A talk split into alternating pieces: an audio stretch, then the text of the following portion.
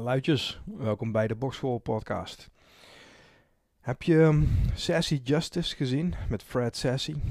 Een van die Dumpert filmpjes die, uh, die je echt moet kijken. Het is eigenlijk helemaal geen Dumpert filmpje, maar via Dumpert ben ik ermee uh, in aanraking gekomen. Het is een, een filmpje van de makers van South Park.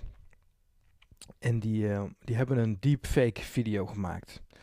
En het duurde even voordat ik er erg in had, zeg maar, dat het deepfake was. Want ik zat te kijken naar Fred Sassy, die het programma Sassy Justice aan het presenteren is. En um, ik vond het wel wat eigenaardig. Ik dacht van, ik ken die vent ergens van. En na, nou, na een tijdje, laten we zeggen een half minuut of een minuut of zo, en in uh, internetvideotermen is dat een eeuwigheid, toen kwam ik erachter van, hé hey man, dit is gewoon het gezicht van Donald Trump. Ik zit gewoon eigenlijk naar Donald Trump te kijken. Maar het is hem duidelijk niet, maar toch ook weer wel. Nou, het gaat allemaal om deepfakes. En dat is de dubbele laag ook, zeg maar, of de driedubbele laag zo'n beetje in dat videootje. Is, ze hebben het ook daadwerkelijk over deepfakes in een video die vol zit met deepfakes. Van, um, van uh, Donald Trump dus tot uh, ja, die dame van The Sound of Music of zo. Die echt spot on um, is, uh, ja, hoe zeg je dat, nagedaan? Die nagedaan, maar... Um, ja, waar een spot-on deepfake van is gemaakt, zeg maar. Dus je e-, ik had echt het idee van, ik zit hier gewoon naar een levende persoon te kijken. Ik zou, ik zou het echt niet hebben gemerkt, ik zou het niet hebben geweten, als het er qua onderwerpskeuze niet zo dik bovenop lag, dat het echt deepfakes waren. En dat ik natuurlijk ook de gezichten herken van de mensen um, in die video. Als je de video gaat kijken, Sassy Justice with Fred Sassy, dan zul je vooral zien dat die deepfake van Tom Cruise, dat die, uh, die was wel heel erg spot on ook. Een beetje met de knipoog. Maar waarom ik, waarom ik het noem, is dat, um, dat dat lijkt eigenlijk gewoon een leuk videootje. En het is echt wel bijzonder dat je dus uh, in een video met deepfake zo goed, echt op niet, niet te onderscheiden van echt, zeg maar, een, uh, een gezicht iets kan laten vertellen. Of een persoon iets kan laten doen. Dus bijvoorbeeld Mark Zuckerberg wordt daar gedeepfaked. En het lijkt alsof je een of andere uh, ja, matrassenkoning is, zeg maar, die in de, de reclames tussendoor iets aan het promoten is. Gewoon bijna niet van echt te onderscheiden. Maar wat het. Er zit een, zit een boodschap een beetje aan, aan, aan het einde van de video. En um, dat is ook hoe we South Park kennen, denk ik. Hè, met een boodschap aan het einde van de video. Um, en daarin um, zegt Fred Sassy dat we, dat we eigenlijk niet meer kunnen uh, vertrouwen op wat er, wat er ons voorgehouden wordt. Dat we, dat we ons niet ideeën of producten of diensten maar, of gedachtegoed zeg maar, moeten laten verkopen. Maar dat we er vooral zelf kritisch na moeten blijven denken. En uh, we have to use our own noodle, zoals, uh, zoals je dat dan zegt. Hè. We moeten goed zelf, uh, zelf blijven nadenken om tot onze conclusie te komen. En normaal zou ik zeggen, ja, je moet helemaal niet vertrouwen op je, je onderbuikgevoel, je gut feeling. Want je kan veel beter rationeel uh, kijken naar de feiten, wat is er aangetoond, et cetera. Maar we leven nu in een wereld waarin er zo ontzettend veel... Um, nou, ik wil, ik wil niet zeggen misinformatie of fake news, maar waarin er zo'n biased informatie uh, uh, tot je komt, die alle twee waar zijn. Laten we voor het gemak, en ik ga er echt niet lang over uitweiden, maar laten we voor het gemak even de, de US-verkiezingen nu, nu nemen. Vanuit het perspectief van Joe Biden zullen alle argumenten zullen wel ergens hout snijden, weet je wel. Het is niet dat er zomaar onzin verteld wordt daar in die campagnes. Dat ergens zit daar wel ja, zit telkens een bron van waarheid en van feiten, zeg maar, als, als fundering voor bijvoorbeeld een mening die dan uh, verspreid wordt. Of een idee wat jou verkocht wordt als kijker. En voor Donald Trump is het precies hetzelfde. Hè. Ergens zit daar wel, hè, dat law and order bijvoorbeeld, dat heeft, ergens heeft dat wel een bestaansrecht, een grond. En het, die argumenten zijn, zijn uh, valide op een bepaald, ja, tot een bepaald niveau. Hè. Bij, Donald Trump is dat uh, soms wel heel erg makkelijk te onderscheiden van, uh, van gewoon bullshit, zeg maar. Um, maar zelfs ook met corona, weet je, hoe, hoe zie je corona? Hoe zie je, hoe zie je die ziekte? Um, ik weet niet hoe jij het in jouw um, omgeving ervaart, maar veel mensen denken er verschillend over. En ik betrap mezelf er soms op dat ik zelf ook niet meer goed weet van waarom, waarom was het ook alweer zo erg, weet je wel? Waarom uh, moeten we al die uh, de maatregelen ook weer nemen? En dan moet ik even zeg maar dat die bril weer opzetten of even op zoek gaan naar waarom was het ook weer zo heftig? Oh ja, natuurlijk, natuurlijk. En dan is het eigenlijk een no-brainer van ja, en ik ga dat niet hier herhalen, want dat, dat, daar ben je de afgelopen zes maanden mee doodgegooid met al die argumenten. En anders zoek je ze maar weer op. Um, maar ja, oké, prima. Valide, valide argumenten en ik hou me netjes aan de regels, zeg maar. Maar als je puur afgaat op wat je ziet, wat je op, op dat moment tot je neemt, dan, um, dan ben je als het ware uh, een puppet, weet je. Dan ben je een uh, marionet van de informatie die dan voor je, die dan voor je staat. En hetzelfde met die deepfakes. Um, je kunt dus ook niet meer vertrouwen dat uh, wat iemand op een beeldscherm zegt, dat dat daadwerkelijk de persoon is die dat zegt. Omdat je met deepfakes, laat dat filmpje zien, um, omdat je met deepfakes dus zo ontzettend goed iemand na kan doen. Dat is gewoon niet van echt te onderscheiden. En jij kan dat zelf, dat kun je zelf niet meer. Je kan niet meer zeggen van oké, dit is wel een echt iemand of niet een echt iemand. Vooral als het natuurlijk een onbekende is. Nou, nu verwacht ik niet, en dat is ook niet de bedoeling van dat filmpje, verwacht ik van, uh, van die uh, South Park makers. Nu gaat het niet zozeer om het gevaar van deepfake, maar wel om het gevaar dat wat je ziet, um, dat je dat heel makkelijk aanneemt als realiteit, als werkelijkheid. En dat past ook bij een, bij een andere video van de, hoe heet dat ook alweer, Universiteit van Nederland of zo. Het is ook zo'n zo'n YouTube-serie. Uh, ik kijk te veel YouTube, uh, besef ik me nu. Maar um, de Universiteit van Nederland heette volgens mij. En uh, daar was een, een professor in de retoriek. En toen moest ik even googlen wat retoriek nu precies betekent. Maar dat, dat gaat over communicatie. Dat gaat over beïnvloeden. woordkeuze bijvoorbeeld. Um, en hij had het over framing. En het framen, zeg maar, dat heb ik al, die term heb ik vaker voorbij horen komen. Jij waarschijnlijk ook. Maar je kunt problemen, of je kunt, je kunt situaties, het hoeven niet eens problemen te zijn, die kun je op een hele andere manier framen. En door bepaalde, door bepaalde woorden te gebruiken, ga je heel anders nadenken over, uh, over een situatie. Um, dus bijvoorbeeld belasten, belastingverlichting, uh, dat, ja, het verlichten van, van belasting alsof dat dus een, een druk zou geven. Um, mensen die tegen abortus zijn, zijn pro-life. Het is moeilijk om daar bijvoorbeeld alweer mee oneens te zijn. En zo noemt uh, die beste professor een, uh, vele voorbeelden in, uh, um, in hoe bepaalde gedachten geframed worden. En dat in combinatie met het Sassy Justice filmpje, dat lijkt eigenlijk moeilijk met elkaar te rijmen, maar betekent dat, je, dat wij als mensen gewoon ontzettend vatbaar zijn voor, um, voor verkeerde ideeën, misschien ook wel. Of voor half affe ideeën. Uh, het is even een slechte woordkeus, maar um, bij gebrek aan een betere term. Hè, dus je, een, een, een idee wat op zich gestart wordt, maar wat echt nog meer, meer rijping nodig heeft, zeg maar, om, um, om goed te landen bij je.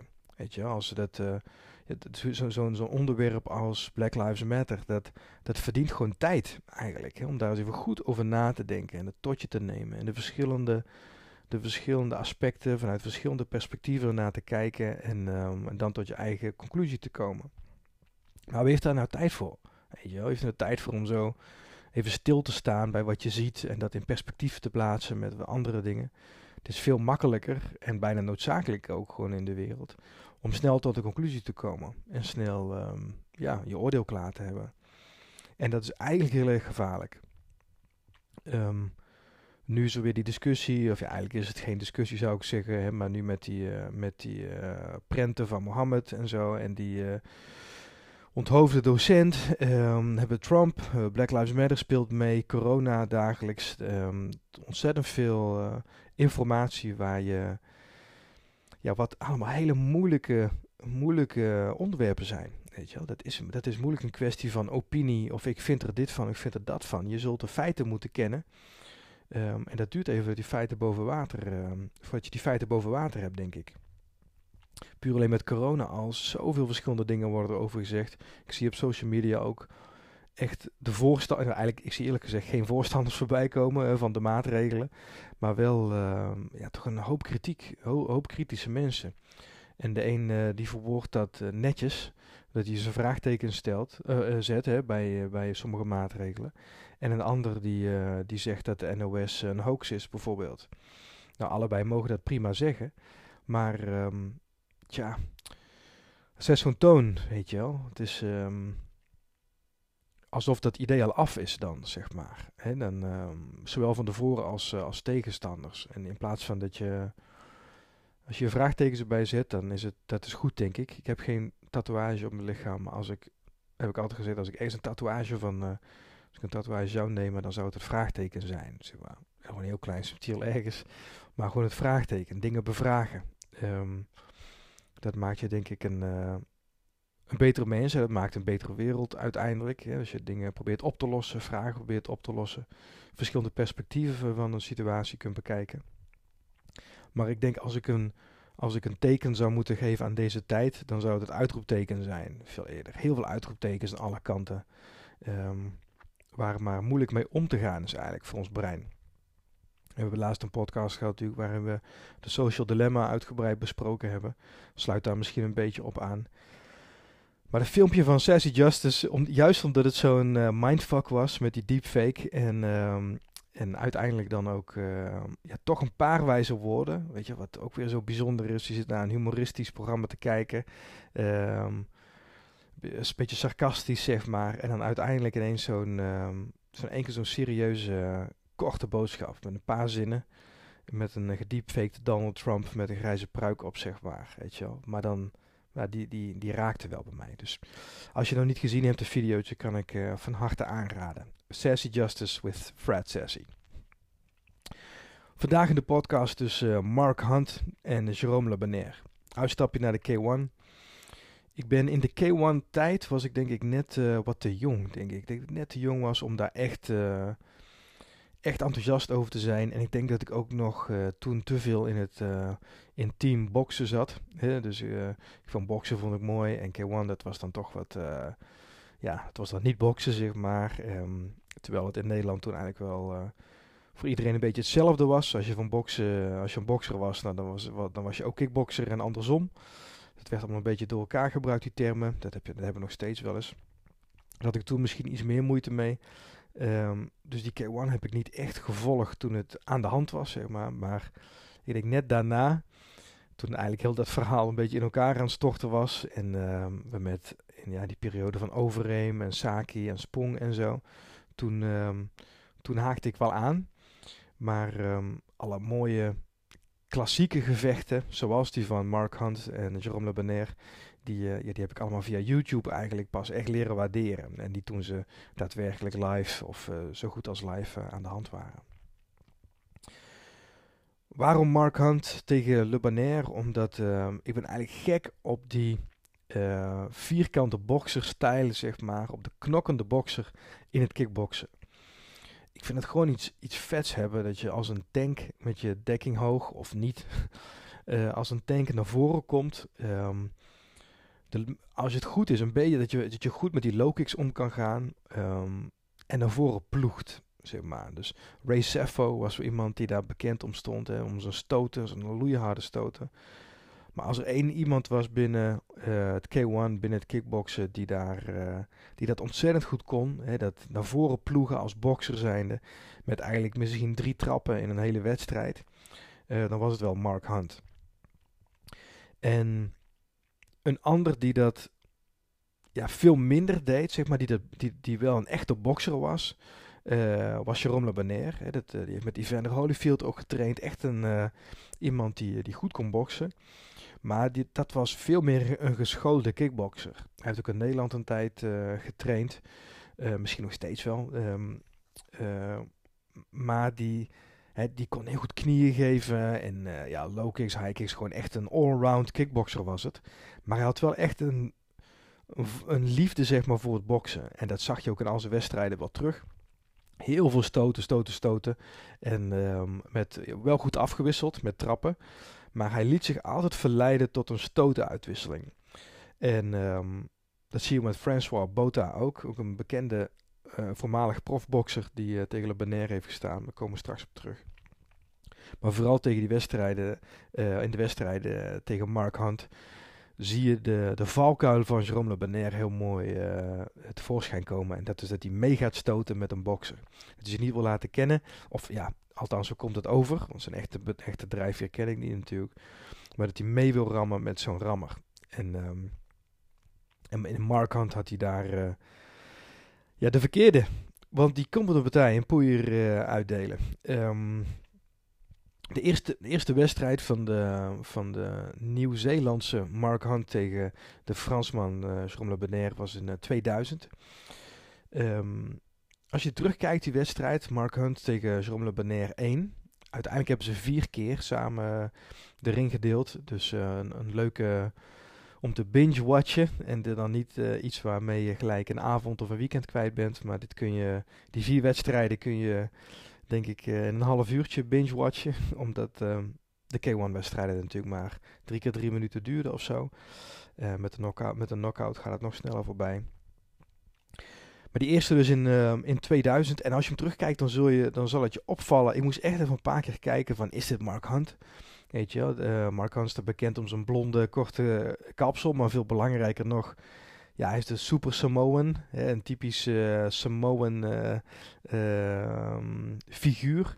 Hè, dus een beetje, nou ja, dik wil ik niet zeggen. Maar ja, hoe, hoe, hoe noem je dat figuur?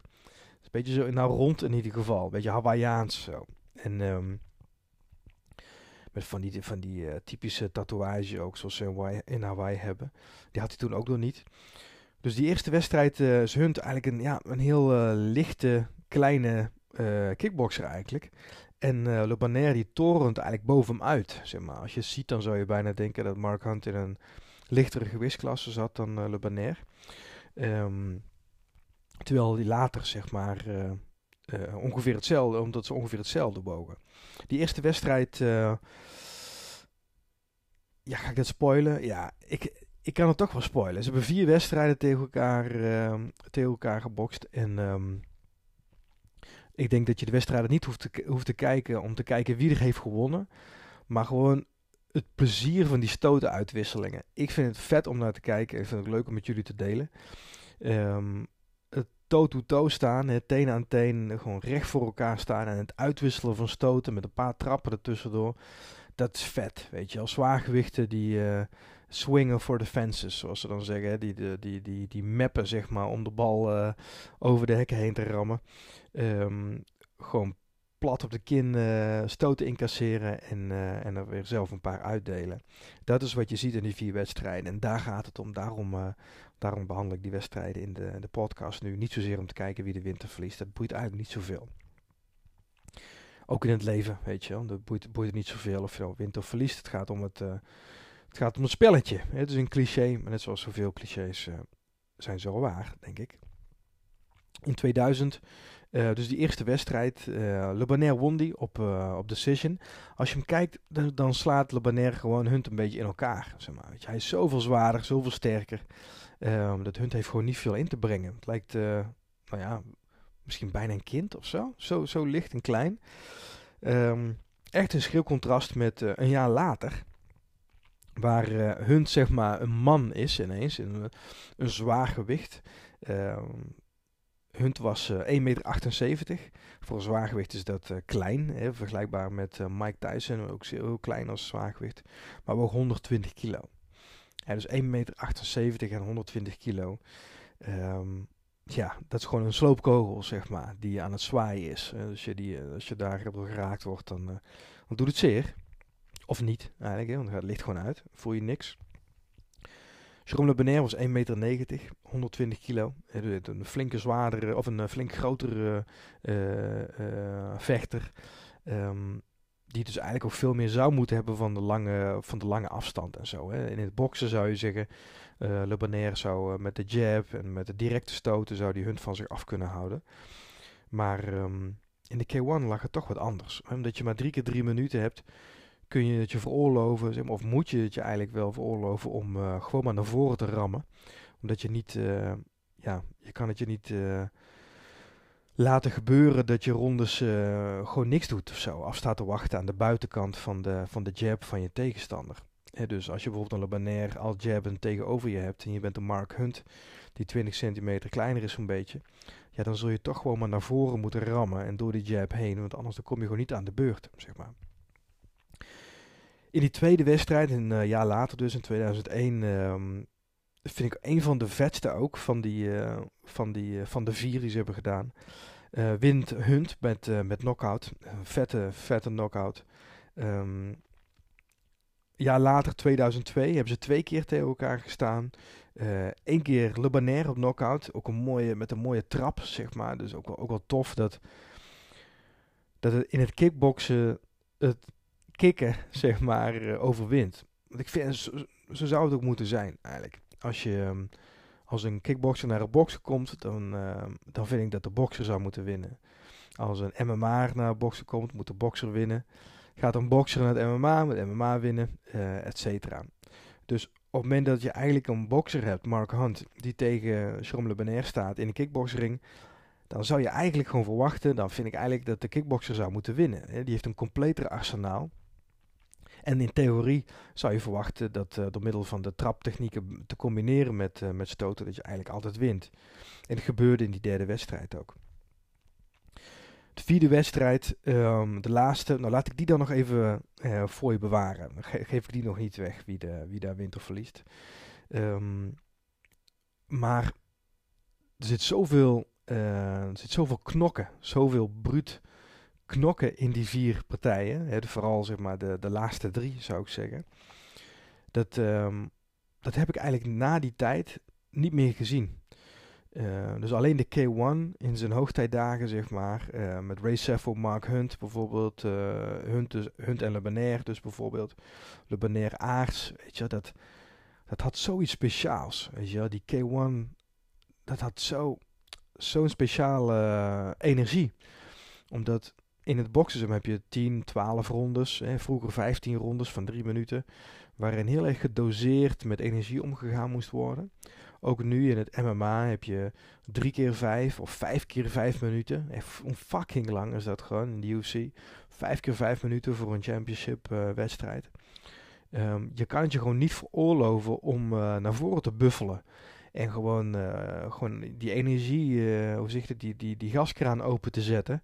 En, um, en alles maar gewoon daar eruit gooien. Dat, dat kun je gewoon niet veroorloven. Daarvoor is die periode veel te lang. En de K1 had dat eigenlijk als geen andere vechtsport, had hij dat, had dat fantastisch uh, um, gecombineerd. Dus aan de ene kant staande, een staande vechtsport en, da en dat gecombineerd zeg maar met drie keer drie minuten.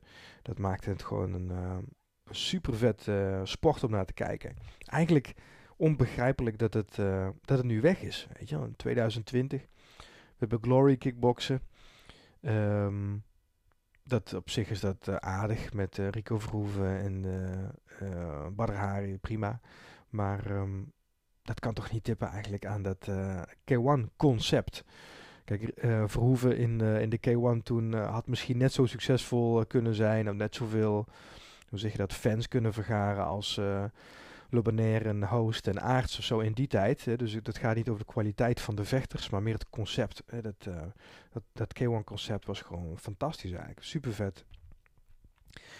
Dus als je tijd hebt om, um, om uh, even te, te YouTuben. Uh, ik zou zeggen bij je volgende toiletbezoekje misschien een goede, goede, een goede tijdsbesteding. Dan uh, maar in Hunt tegen Le Banner. En dan is het leuk misschien om, uh, om ze wedstrijd voor wedstrijd te bekijken. Hun Le Banner 1 tot en met 4. Omdat het over het boksen en kickboksen gaat, um, heb ik eens teruggekeken naar wat zijn nou andere... En het, gaat, het, een het, raakt een beetje het onderwerp van uh, Hunt en Le Banner. Maar ik heb eens gekeken wat zijn nou boxers in de K1 die, die het goed hebben gedaan wat zijn nou memorable fights, zeg maar, gedenkwaardige gevechten van boxers in de K1, uh, die graag met je wil delen. En dus eigenlijk, en, en wat vind ik dan gedenkwaardig? Nou, dat is dan eigenlijk vooral een bokser die het goed doet in de K1. En de, degene die bij mij op nummer 1 staat, is uh, François Bota. Daar heb ik net al over gehad. François Bota, de White Buffalo, was een bijnaam, een uh, Zuid-Afrikaanse bokser. Vooral bekend van zijn wedstrijd tegen Mike Tyson. Ook een hele leuke bokswedstrijd om te kijken trouwens. Bota tegen Mike Tyson. Ik heb hem volgens mij al een keer genoemd in de podcast-serie. maar um, daar verdoe je je tijd ook zeker niet mee. Uh, Bota was een um, boxer-puncher, zou je kunnen zeggen. Ook in die volgorde. Dus dat, uh, dat betekent dat hij toch vooral op zijn techniek, op zijn, zijn bokstechniek vertrouwde. Maar hij had ook wel een goede stoot. Zijn stijl was een beetje, zijn, zijn, posi zijn positionering was een beetje zoals een amateurbokser. Hè, dus de linkerhand voor, um, werken van achter je jab, um, veel springen dus een sprong naar voren en, uh, en dan weer snel weg. Bijvoorbeeld een sprong naar voren en dan in de clinch. Dat zul je in de Mike Tyson uh, wedstrijd ook zien. Werd veel geclinched. Werd zijn arm ook bijna gebroken trouwens, van François Bota. Dat Mike Tyson op een gegeven moment gefrustreerd werd met, met de tactieken van Bota. En, um, en probeerde toen zijn arm om te draaien of zo. Wel bijzonder. Bota was ook niet vies van, van een overtreding, zo nu en dan. Dus dat paste ook. Uh, het matchte eigenlijk slecht met, uh, met Mike Tyson, die er natuurlijk ook bekend om stonden. Maar Bota dus bekend vanuit het profboksen en maakte dus na zijn, zijn afscheid van het profboksen zijn entree bij de K1. Had daar eigenlijk niks te zoeken, zou je zeggen. Maar het is vooral een publiekstrekker en de K1 was ook niet vies van een goede freakshow natuurlijk. Hè, met Bob Sepp en Akabono. En dat, ook dat was gewoon leuk om naar te kijken. Laten we wel wezen. was gewoon vet. Je had ook die Kauklei heette hij volgens mij. Zo'n uh, lichtgewicht Thai. Die tegen Mighty Mo stond. Het zal elke, alle generatiegenoten zullen die wedstrijd wel bijstaan. Hè. Die high kick van Kauklei. Zo'n licht Thais uh, vechtertje. Die dan in één keer die zwaargewicht, uh, zwaargewicht bokser uh, knockout trapt. Dat is toch wel een van de highlights van de K1 denk ik. Um, maar François Bota werd dus misschien binnengehaald, misschien een beetje als een freakshow. Maar het bleek achteraf toch dat, hij, uh, dat Bota het wel heel serieus had genomen. Waar andere boxers, zoals Shannon Briggs bijvoorbeeld, ook een keer in, uh, in de K1-ring heeft gestaan. Um, was dat meer een uh, ja, one-time thing. Ik denk even snel een money grab, snel even geld verdienen en dat was het dan. Maar François Bota in zijn, volgens mij zijn eerste wedstrijd, moest hij tegen Peter Aarts uitkomen. Nou, dan kun je het gewoon vergeten natuurlijk als onervaren kickboxer tegen de lumberjack. Dan kun je er van op aan dat je, je benen onder je lijf uitgetrapt worden. Dat probeerde Peter Aarts ook. Alleen die, uh, die kwam de knie van Bota tegen. En uh, hij blesseerde zijn, zijn scheenbeen. Of in ieder geval, dat is altijd wel een zwakke plek geweest van Aarts. Um, maar Bota die, die blokte half, of een beetje onhandig misschien, een low kick. En Aarts die moest opgeven. Dus zijn eerste wedstrijd had François Bota gewonnen. Um, tegen Peter Aarts. Nou, dat is een, een, mooi, een mooi begin, maar natuurlijk niet echt, zeg maar. Hè. Maar de volgende wedstrijd was tegen Jérôme Le Benaire. En dat is, dat is ook een leuke voor je om te kijken. François Bota tegen Jérôme Le Benaire. Zoals ik al zei, Sommelen Beneer laat zich uitlokken tot de stotenuitwisseling, terwijl hij dat niet moest doen. Als hij één zwak punt had, uh, naast zijn, uh, wat was het, gebroken linkerarm of zo, hè, door een Nestor Host uh, veroorzaakt. Maar als hij één zwak punt had, dan was het wel zijn zwakke kin. Schommele Benair stond erom bekend dat als hij goed op zijn kin geraakt werd, dat hij, dat hij snel neerging. Dus het laatste wat zo'n vechter moet doen, ja, is stoten uitwisselen. En nou helemaal met een voormalig profboxer uh, zoals de White Buffalo. François Bota tegen Jerome Le Benaire. Um, Le Benaire laat zich uitlokken. Le is een southpaw. Uh, uh, Bota staat gewoon orthodox, dus met rechts achter zeg maar. En links, en Petra, of hoe heet het, Le Benaire dus met links achter. En die stand, een southpaw tegen een orthodoxe bokser, lokt ook uit dat je gaat poeieren. Want je moet een behoorlijke afstand dus over, uh, overbruggen, hè, voordat je pas bij de kin van je tegenstander bent. Dus een orthodoxe tegen een southpaw bokser lokt eigenlijk uit dat je als orthodoxe bokser in een orthodoxe stand, dat je gaat poeieren met je rechterhand. Oftewel echt dat je flink, dat je die goed lanceert, want die moet een heel eind uh, overbruggen. En andersom aan de andere kant ook. Hè. Southpaw, jouw linkse directe of linkerhoek, die moet uh, helemaal naar de kin van, de, van die ander, zeg maar. En omdat je dus je voeten wat anders staan, uh, sta je wat verder van elkaar af. Nou, er werd wat afgepoeierd dus in uh, Bota Le Bonaire. En uh, Bota had hem een paar keer echt goed te pakken. Een puntje van zijn kin. Dus dat vind ik een van de... Um, nou, misschien wel greatest achievements van boxers in de, in de kickboxering. Francois Bota die het serieus nam, die goed getraind had, die klaar was. En uh, tegen een echte kickboxer, tegen een echte... Is hij K1 kampioen geweest ooit, Le Benaire? Volgens mij was het ook een onderdeel van het drama van Jerome Le Benaire dat hij nooit die K1-titel had gewonnen. Maar misschien ook wel, daarvan weet ik, weet ik niet genoeg. Uh, maar in ieder geval een echte allround kickboxer. En uh, hij wist daarvan te winnen dus. Dus François Bota. Een andere highlight is denk ik, maar dat is veel minder uh, ja, onderbouwd zou je kunnen zeggen, is Ray Mercer tegen Tim Sylvia. Tim Sylvia, een voormalig UFC zwaargewichtkampioen. En Ray Mercer voor mij het meest bekend van zijn uh, war tegen Tommy Morrison. Um, die knockout van Tommy Morrison, uh, Ray Mercer. Is een van de grofste knockouts die je ooit gaat, uh, gaat zien. Ik denk dat YouTube hem nog net toelaat, zeg maar, als videootje. Maar het is ontzettend ehm, hard, zeg maar. Je, moet je zien om, om te geloven, zeg maar. Maar Ray Mercer die, was al oud, was echt klaar met zijn profcarrière. En liet zich toch nog verleiden voor ze nu en dan een MMA-wedstrijd. Voor een van de obscuur MMA-organisatietje. We hebben toch weer, toch weer een paar, paar duizend euro mee binnenharken. Ray Mercer stond dus ineens tegen Tim Sylvia, die vanuit een vergelijkbare beweegreden zeg maar, de octagon weer even instapte. Maar toch een voormalig zwaargewicht UFC-kampioen. Die nog niet helemaal washed up was. Tim Sylvia kon nog steeds wel, uh, wel wat. Hè. Je wordt niet zomaar UFC-kampioen. Ook al was het wel in de begindagen van de UFC. Ehm, dus niet met de skillset zoals, je die nou, uh, ja, zoals we die nu zien. Um, maar wel een echte allround MMA-vechter. En Mercer tegen Sylvia. Uh, ook een prachtige knockout waar Mercer bukt. Sylvia heeft niet de trigger zoals een bokser zou hebben om uh, bij een bukkende bokser voor je, zeg maar, die dus naar beneden gaat, waarvan je als bokser zou verwachten, die komt direct weer terug omhoog. Uh, dus mijn dekking moet hoog. Ja, Sylvia had een andere respons. Ze dacht van, hey, die vent gaat naar beneden toe, die wil voor een takedown gaan of zo. Die handen gingen naar beneden. En Mercer kwam omhoog met een overhand right. Bam! Lichten van Tim Sylvia ging uit. Ook een hele leuke knockout om te zien.